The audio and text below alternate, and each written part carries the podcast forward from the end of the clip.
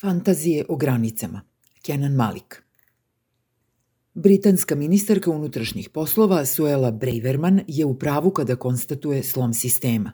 U svemu ostalom greši, posebno kada se bavi uzrocima tog sloma. On nije nastao zbog navale migranata i tražilaca azila, a svakako ne zbog njihove invazije na Britaniju, već je rezultat politike koja je i namerno i slučajno zapustila savladivu situaciju i dopustila joj da preraste u hroničnu krizu.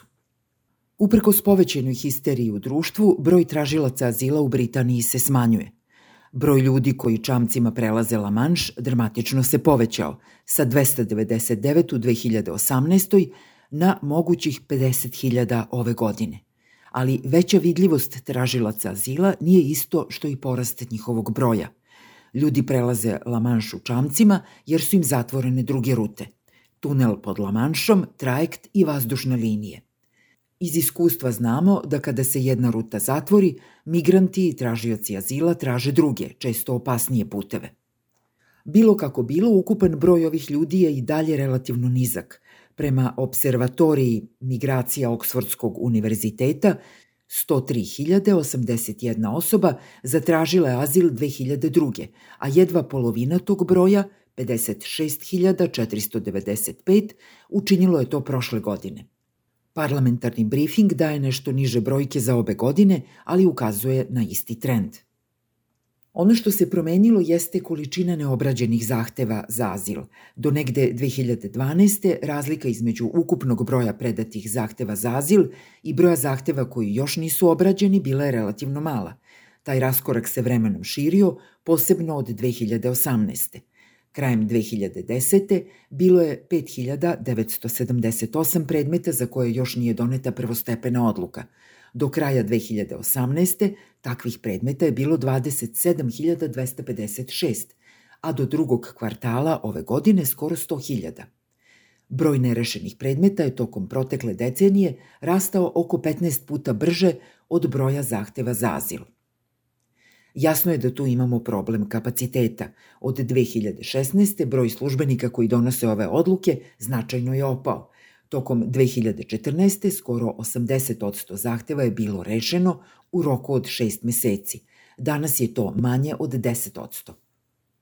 Problem je i politika – Osnovu britanske imigracione politike, kao i u većini zapadnih zemalja, čini strategija odvraćanja, gde se neregularnim migrantima otežava život kako bi se obeshrabrili da uopšte krenu na put.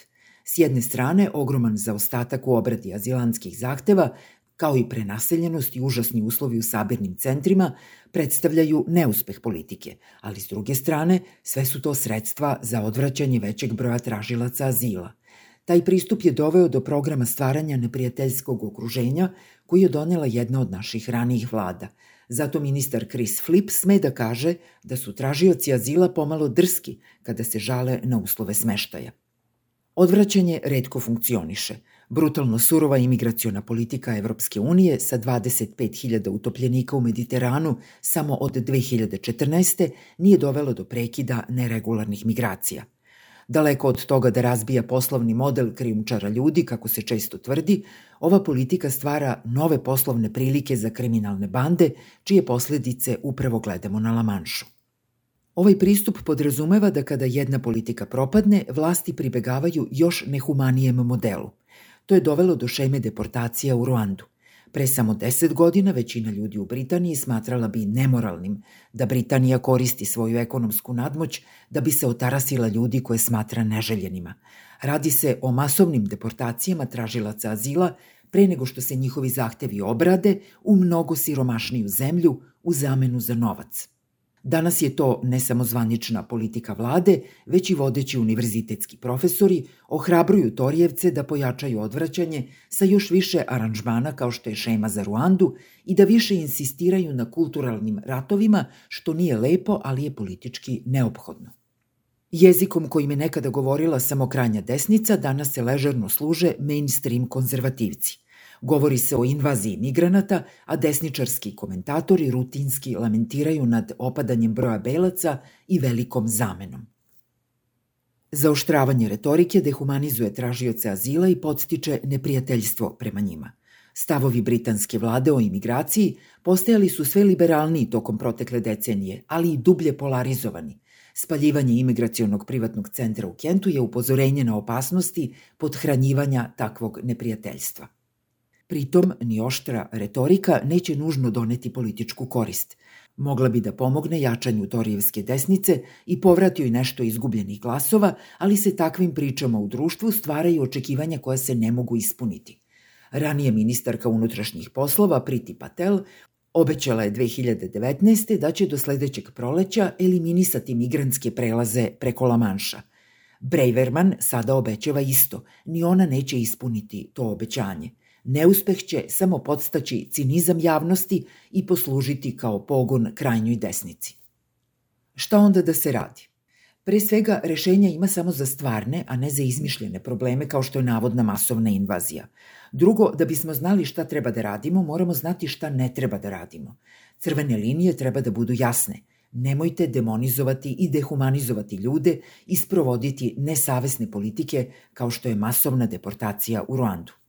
Treće, potrebni su odgovarajući legalni putevi za tražioce azila. U ovom trenutku ljudi mogu da podnesu zahtev za azil samo kada se nađu na britanskom tlu, ali u Britaniju mogu da dođu samo sa važećom vizom. Ne postoji azilska viza, što znači da je gotovo nemoguće zatražiti azil bez neregularnog ulaska u Britaniju. U pitanju je Kvaka 22, za koju se vlada i apologete vladine imigracione politike pretvaraju da ne postoji. Pored otvaranja legalnih ruta, potrebni su i prikladni kapaciteti za obradu zahteva za azil kako bi se smanjio veštački stvoreni zaostatak. Dobrodošla promena bi bila i pravo na rad tražilaca azila, što bi ih učinilo manje zavisnim od državne pomoći. Na kraju treba priznati da savršeno rešenje ne postoji. Svaki put kada neko pomene otvaranje legalnih puteva migracije, dovede u pitanje politiku odvraćanja ili ospori moralnost uranske šeme deportacije, kritičari zapomažu o ukidanju granica, kao da svaka liberalizacija politike vodi ukidanju granica. Fantazija o zatvorenim granicama je veliki deo problema. Treba prihvatiti činjenicu da je liberalnija imigraciona politika humanija i realnija.